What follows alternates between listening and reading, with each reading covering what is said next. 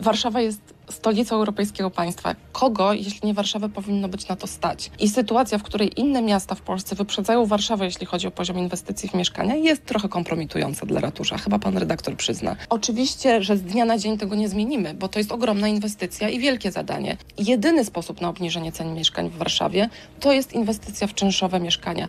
Po to, żeby ludzie mieli wybór, po to, żeby mieli szansę na wynajem na który ich stać i który jest też stabilny, bo dzisiaj doświadczenie rodzin jest takie, że jeśli urodzi im się dziecko, to nagle, y, nagle właściciel mieszkania mówi bardzo przepraszam, ale z dziećmi to nie. Samotne matki z dziećmi mają ogromny problem w znalezieniu mieszkania, nie tylko dlatego, że może być ich nie stać na wynajem na rynku komercyjnym, ale również dlatego, że wielu właścicieli sobie tych dzieci nie życzy.